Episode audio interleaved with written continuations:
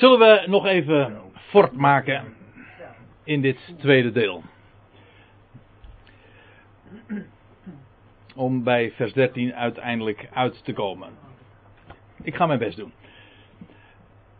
Nou, we hebben het een en ander vastgesteld. Eén God, de Vader. één Heer, Jezus Christus. God is de bron. De ander, de Heer, Jezus Christus, is het kanaal waardoor alle dingen tot stand zijn gekomen. Maar, zegt Paulus dan. Nog even een andere vraag gelijk. Uh, is de Heilige Geest dan zo'nzelfde kanaal? Heel ander kanaal, maar uh, denk ik. Ja, je onder, ja, dat is uh, de goede dag, hé. Uh, de, ja, ik kan, ik kan het kort zeggen. Gods, Gods geest, Gods geest is zijn, uh, is de kracht waardoor hij dingen doet. De kracht van de Allerhoogste. Dus, dus niet een persoon naast God. Gods geest is de kracht, de werkzame kracht. Men zegt ook wel eens God in actie. Gods, de eerste keer dat je het aantreft is in uh, Genesis 1, uh, dat er staat van en Gods uh, geest zweefde over de wateren, of broeide op de wateren. Is het dan ook altijd Heilige Geest of niet?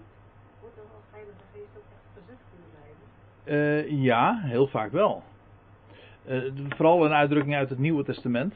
In het Oude Testament kom je hem maar drie of vier keer tegen, de Heilige Geest. Maar het is heilig omdat het Gods geest is. Maar we hebben, toen we 1 Korinthe 2 bespraken, hebben we het er nog even over gehad, dat niemand weet wat in de mens is, staat er, dan alleen des mensen eigen geest. Zo weet ook niemand wat in God is, dan Gods geest. Zoals mijn geest niet een ander persoon is dan ikzelf, zo is het ook met Gods geest. Gods geest is de wijze waarop hij denkt en hoe, waarop, waarmee hij voortbrengt en dingen doet of dingen bewer, bewerkstelt of kracht geeft. Dus, dus niet een apart persoon, persoon zoals dat uh, in de dogmatiek daarvan uh, gemaakt is. De trooster, zelfs dat het naamwoord. Dus Ja. persoon zijn. Zo Ja, God, er staat in Johannes 1 of eh, in Johannes 4 wordt dat eh, zo gezegd, dat zegt Jezus tegen de Samaritaanse vrouw. God is, is geest. Namelijk ook de onzienlijke God. Ja. Dus niet een apart persoon, absoluut niet. Nou ja, eh, Nou, laten we laten dan toch maar even verder gaan. Ja, maar jij onderbrak me, ja, ja. Arie. Niet bij allen is die kennis. Nee, van wat Paulus nu naar voren heeft gebracht.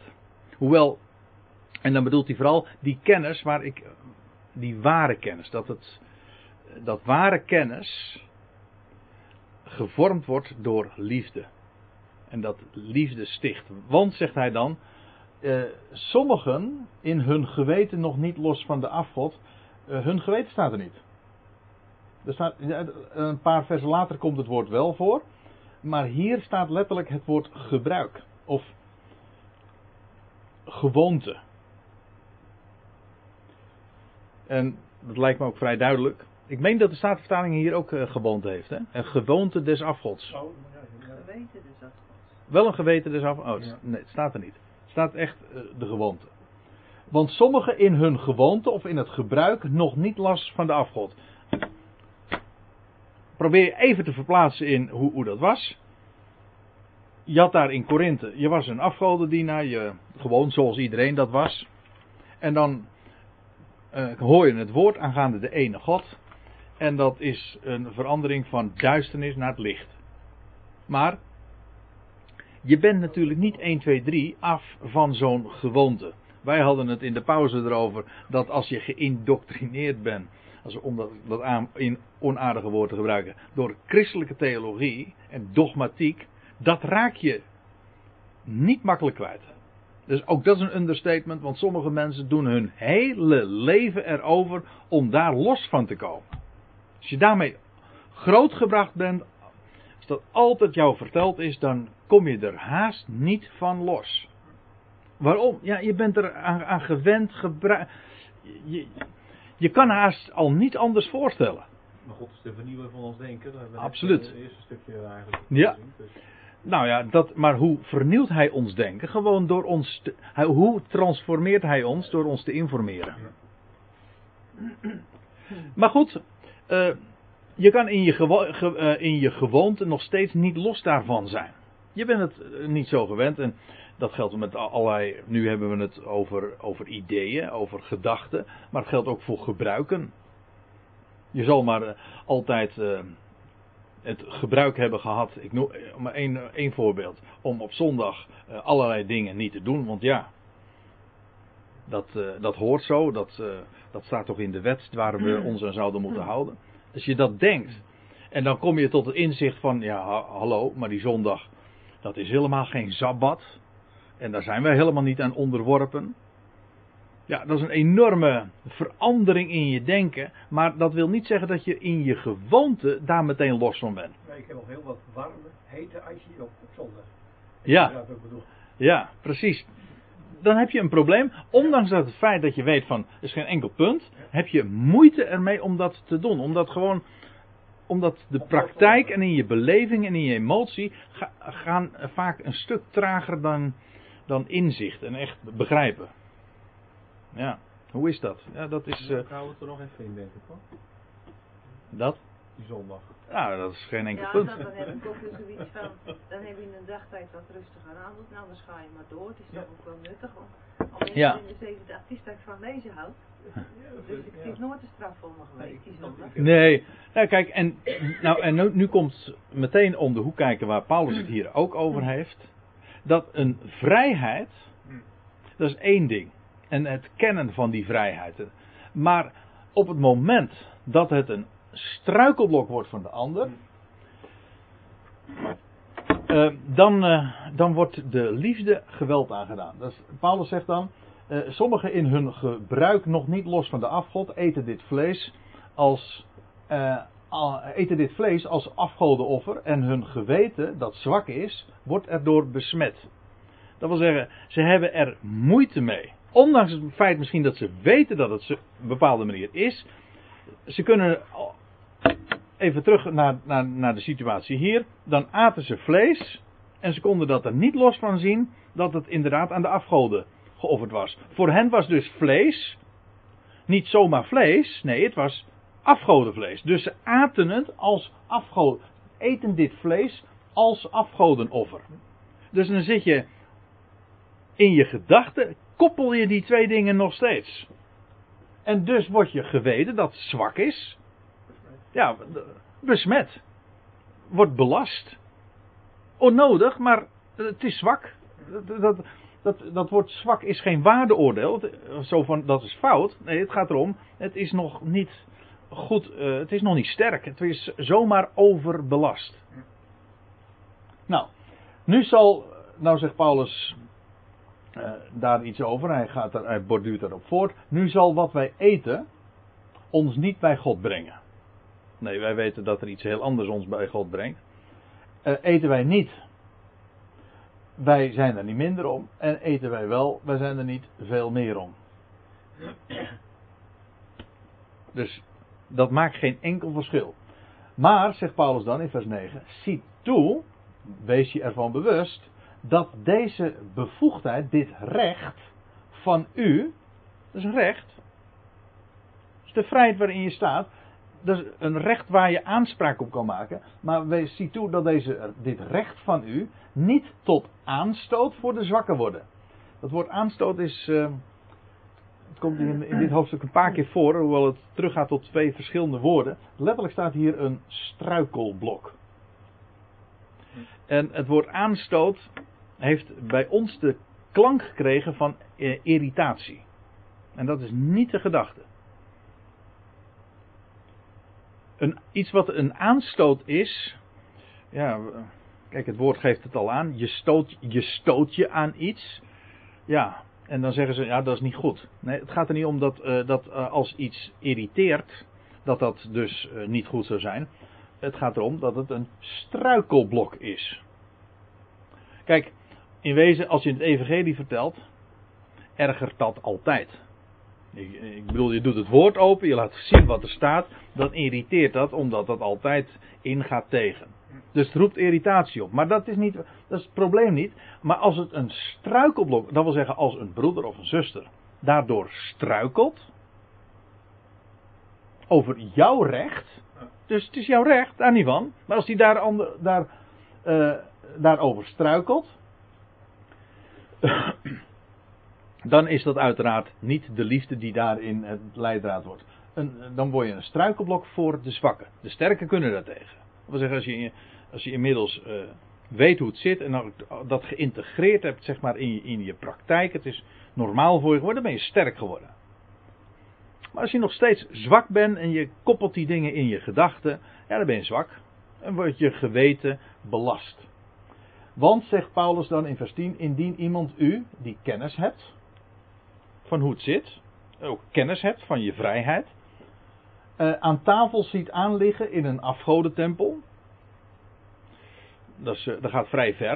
Dan zeg je van wat doe je als gelovige dan in een afgodentempel. Maar goed, vergis je niet, daar vond ook het hele sociale leven plaats. Op de markt en alles was gewoon doortrokken van die afgodendienst. En als je dan uh, daar aan ligt, kan. Ik bedoel, als, als jij daar verder helemaal geen moeite mee, geen bijgedachten hebt. Ja, nou zegt Paulus, zal hij dan, die, zal hij met zijn zwak geweten, dan niet gestijfd worden tot het eten van offervlees? Zie je, nu wordt het een struikelblok. Jij maakt van je recht gebruik, geen enkel punt, op zich. Maar als nou de ander die nog zwak is, daar de conclusie uittrekt van, hé, hey, wat, hoe, hoe, kan die ander dat dan doen? En die wordt dan gestijfd. Oh, dan is zeker afgoderij helemaal niet fout. En die zou dan, ge, dan is daar niks mis mee. En die zou gewoon in de afgoderij dan verder gaan. Nou, dan is die ander gestruikeld door jouw recht. Maar daarmee is dus niet meer de liefde de, de leidraad geweest. En zo kan dat trouwens ook. We hadden het net even over gebruiken op zondag. Om even bij dat voorbeeld te blijven. Dat, dat zijn ook, daar kunnen uh, rechten, je vrijheid, kan een struikelblok worden voor een ander. Kijk, als een ander zich irriteert aan het feit dat jij de was ophangt, op zondag, ik noem maar even iets, hè. Dat is op zich geen struikelblok, als het alleen maar irritatie is. Maar als een ander daardoor de conclusie zou trekken van, hé, hey, dat kan nooit een gelovige zijn. Hoe kan die persoon, nou, Christus, hij doet dat. Dan, die zou daardoor struikelen en je reputatie en je wezen, je getuigenis zou zeg maar niet meer gehoord. Die ander zou niet eens meer bereid te zijn om naar jou te luisteren. Niet omdat hij vijandig is, maar omdat hij niet anders weet. Hij is gewoon zwak. Hij, hij, hij, maakt die, die link. En dat is link, hè? Ja, dan wordt het echt link, want uh, die ander struikelt daardoor. Dan staat er dan gaat er immers iemand die zwak is, ten gevolge van uw kennis, verloren. Ja, dat is heel sterk geformuleerd. Iemand die zwak is, in zijn geweten, snel belast is, die zou verloren gaan. Ja, ook dit kan je weer nou met, uh, met je traditionele oren beluisteren. En dan denk je, oh, voor eeuwig verloren, kom je in de hel en zo. Ja, dan, uh, dan, uh, dan heb je nog enige bijscholing nodig als je zulke conclusies trekt. Want uh, kijk wat, waar het hier over gaat, een broedernotenbeen. Hè? Er wordt gesproken over, dan gaat er iemand die zwak is ten gevolge van uw kennis verloren, een broeder om wiens wil Christus gestorven is. Kan dat dan? Ja, hier staat het, dus dat kan. Maar wat betekent dat verloren gaan? Verlies lijden?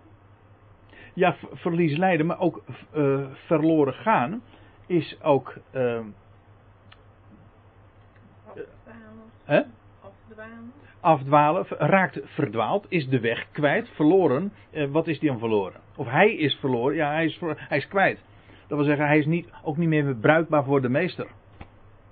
Ik bedoel, de Heer gaf ooit zijn, zichzelf voor hem een broeder. Om, wien, om wiens wil Christus gestorven is. Christus stierf ooit. En jij maakt dan op, op, op grond van je zogenaamde recht. Nee, niet zogenaamd. Op grond van je recht. Maak je misbruik. En die broeder gaat daardoor verloren. Raakt helemaal het spoorbijster. En Ja, nou zo formuleert Paulus dat. Zie je, je ziet trouwens in dit woordgebruik dat dat, dat nooit uh, in de absolute zin het geval is. In de zin van uh, dan ben je verloren en dat, dan word je nooit meer gevonden. Uh, dat kan in de Bijbel natuurlijk helemaal niet. Want in de Bijbel is het juist zo dat alles wat verloren is, weer gevonden wordt. Alles. Maar is je dan bij spreken verloren voor deze eeuw? Ja, in dit leven. Maar ik, ja, maar ik, ik, er zijn zoveel gelovigen. Paulus zal later in, de, in 1 Korinthe 10. Er gaan zoveel gelovigen inderdaad voor deze, in deze aion Dat zeggen, hun leven is waardeloos. Natuurlijk, ze, ze, zijn zijn eigendom. Ik bedoel, en behoren tot zijn lichaam. Maar neemt niet weg dat ze in hun leven is waardeloos. Ze zijn in dit leven verdwaald geraakt. Het spoor bijster. Voor zover dat in ons vermogen ligt. Ik weet wel, het is, de, de waarheid is. Of iemand staat of valt, dat gaat zijn eigen Heer aan. En dat is niet voor onze zaak. Maar als wij nu op grond van onze, onze rechten de ander miskennen. En niet zoals de Heer zelf liefde toonde. Nou, die ging ver. Om wiens wil Christus gestorven is. Zijn wij dan niet bereid om die ander te sparen? Om die ander het rechte spoor te wijzen? Gewoon er te zijn voor die ander. Op te bouwen. Zouden wij dan uh, aanspraak maken op onze rechten? Dat is zo'n groot contrast prachtig zoals Paulus dat hier ook formuleert. Een broeder om wiens wil Christus gestorven is. En dan zegt uh, hij uh, erbij, door zo tegen de broeders te zondigen en hun geweten, indien het zwak is, te kwetsen, te, te slaan eigenlijk. Is een heel een, een sterke vorm. Het is een, niet alleen maar kwetsen in de zin van uh, irriteren, waar we het net al even over hadden. Nee, het is echt een slag in, het is een slag voor, in, in het gezicht voor de ander. Door zo met de ander om te gaan, zondig je tegen de broeders. Neem het woord even zoals werkelijk,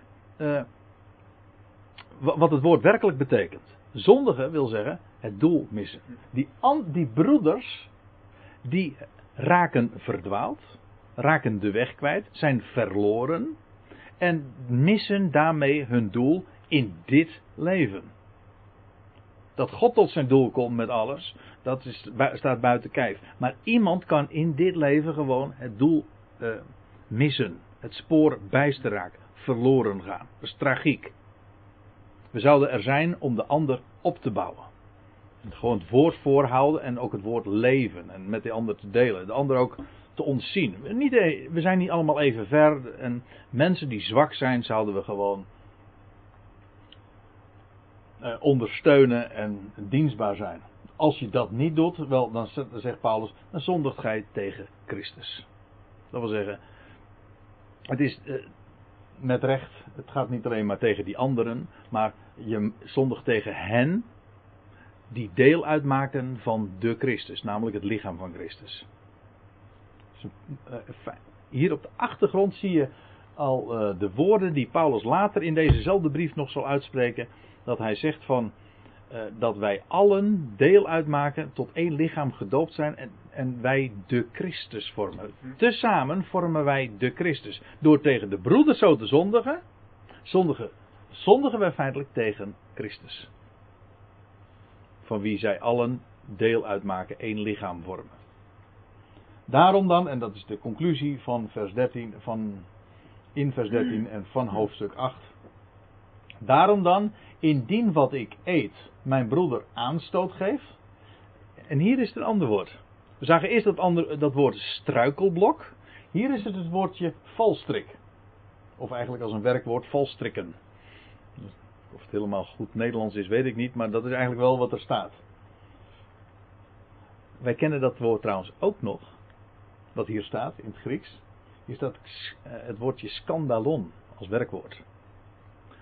Ons woord schandaal komt daar vanaf. Skandaal, skandalon, maar dat is eigenlijk een valstrik. Het uh, ligt heel erg dicht bij dat andere woord struikelblok. Door een struikelblok struikel je over iets, maar feitelijk dat doe je bij een valstrik ook.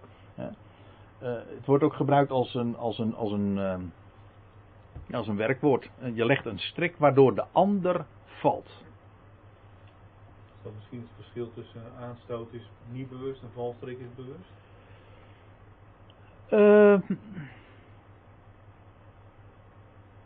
Nou, ik, weet, ik denk niet dat dat hier uh, het, het, verschil is.